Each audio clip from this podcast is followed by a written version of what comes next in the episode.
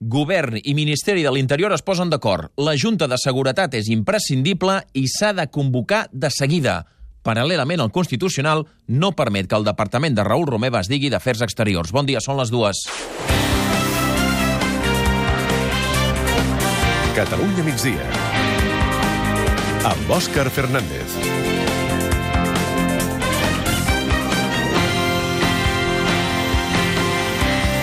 La reunió de la Junta de Seguretat de Catalunya, aquella que no es convoca des del 2009 i que, entre altres coses, s'ha de discutir, per exemple, el nombre de Mossos d'Esquadra que es poden contractar o no i de si els Mossos poden participar o no a l'Europol, ara és més a prop de convocar-se.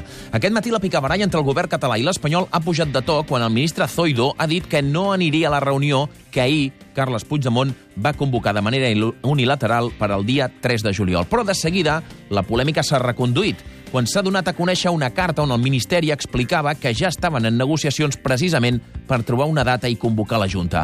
El president i el conseller d'Interior s'han felicitat del canvi de postura del Ministeri que fa vuit anys que dona llargues a la Generalitat. Zoido admet a la carta que la reunió és imprescindible i dona a entendre que la feina tècnica necessària és a punt. El conseller d'Interior, Jordi Jané, finalment ha demanat tenir una data concreta abans d'acabar aquesta setmana i no ha sacralitzat el que ahir es va anunciar el dia 3 de juliol. Aquesta sisena data oferta, que era el dia 3, se'ns diu el 3 no pot ser. Doncs si ha de ser el 4 o el 30 de juny. No, no vindrà ara d'una edat d'un dia amunt, un dia avall, però sí que és una exigència imprescindible i, per tant, aquesta setmana hauríem de fixar la data. Per cert que avui Jordi Jané compareixia d'entrada per parlar del pla d'emergència activat per Sant Joan. Ha advertit que es donen les condicions per ser un còctel perillós. Altes temperatures, boscos molt secs, rebella de Sant Joan, per tant, el nivell d'alerta és màxim i es demana a tothom tota la precaució possible. I encara en el marc de les picabaralles institucionals entre Generalitat i Estat, acabem de saber que el Constitucional no permet que el Departament de Raül Romeva es digui d'Afers Exteriors. Madrid, Albert Calatrava, sabem més detalls d'aquest titular a hores d'ara? Doncs tot just ara s'està notificant aquesta resolució. El que sí sabem és que el ple del Tribunal ha estimat parcialment el conflicte de competències presentat pel govern espanyol contra els decrets de la Generalitat de Catalunya de creació dels departaments d'Afers Exteriors. El que sí que queda clar d'aquesta sentència és que es prohibeix la denominació precisament d'Afers Exteriors. El cas és que de manera preventiva el departament ja s'havia canviat el nom.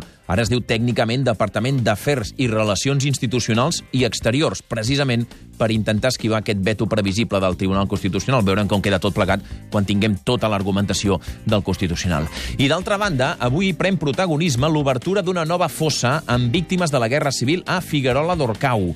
És la més gran que ha obert la Generalitat en el pla de fosses del 2017 i s'hi han trobat 17 cossos de soldats. Ara s'està mirant d'esbrinar la identitat d'aquests cossos. Figuerola d'Orcreu, eh, Pere Joan Álvarez, bon dia. Segons les primeres informacions, es tractaria de les restes de 17 soldats del bàndol franquista que estan arrenglerats a l'exterior del cementiri.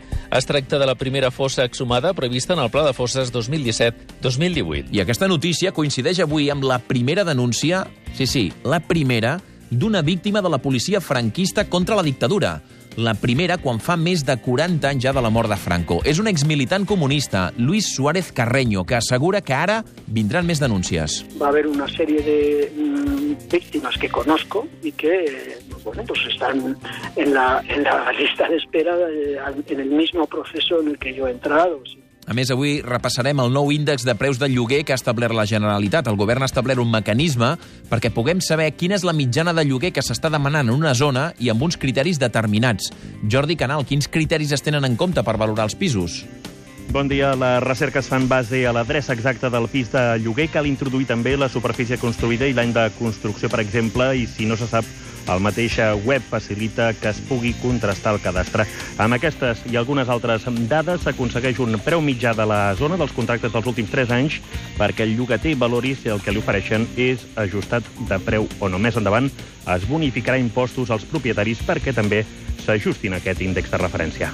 I de la cultura avui es presenta per primera vegada una gran exposició al Museu Nacional d'Art de Catalunya. Una visió panoràmica de l'obra de l'artista català Ismael Smith.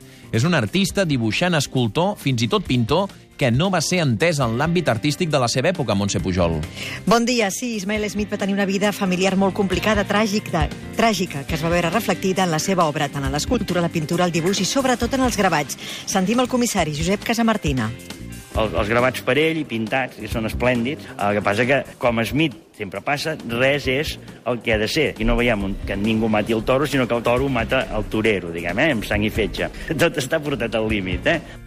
I quan passin 5 minuts de dos quarts serà el moment de l'actualitat de territori, que és el més destacat del dia a Lleida, Noelia Caselles. Doncs que Lleida inaugura avui el Museu del Clima i la Ciència. Són 5 hectàrees entre el turó de Gardeny i el barri de la Mariola. A la inauguració d'aquesta tarda no hi anirà la crida CUP, que critica que els diners surten del pla de barris i que aquest no és l'equipament que necessita el barri. Anem ara a Tarragona, Ricard Buigas. La Costa Daurada preveu batre el rècord d'ocupació aquest estiu amb gairebé 20 milions de pernoctacions. L'increment d'activitat de l'aeroport de Reus, la desestacionalització i la recuperació del mercat rus són els factors claus d'aquest creixement turístic.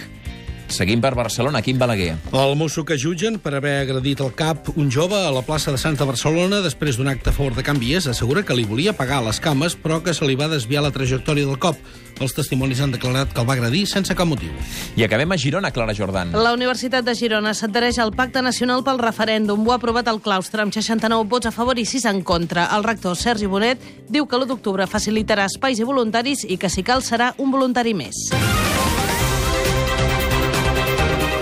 I després de les notícies pròximes, quan faltin 20 minuts per arribar a les 3, serà el moment de l'actualitat esportiva. Robert Prat, bon dia. Bon dia. L'Espanyol va perfilant la plantilla per la pròxima temporada. La continuïtat del porter Diego López és el primer pas. Firma per 3 anys, amb 50 milions de clàusula de rescisió. Didac Vilà podria ser jugador de l'Espanyol les pròximes hores. L'Espanyol comença els entrenaments el 10 de juliol i disputarà dos amistosos a Indonèsia dins un estats, també dos partits contra equips alemanys a Suïssa i Alemanya.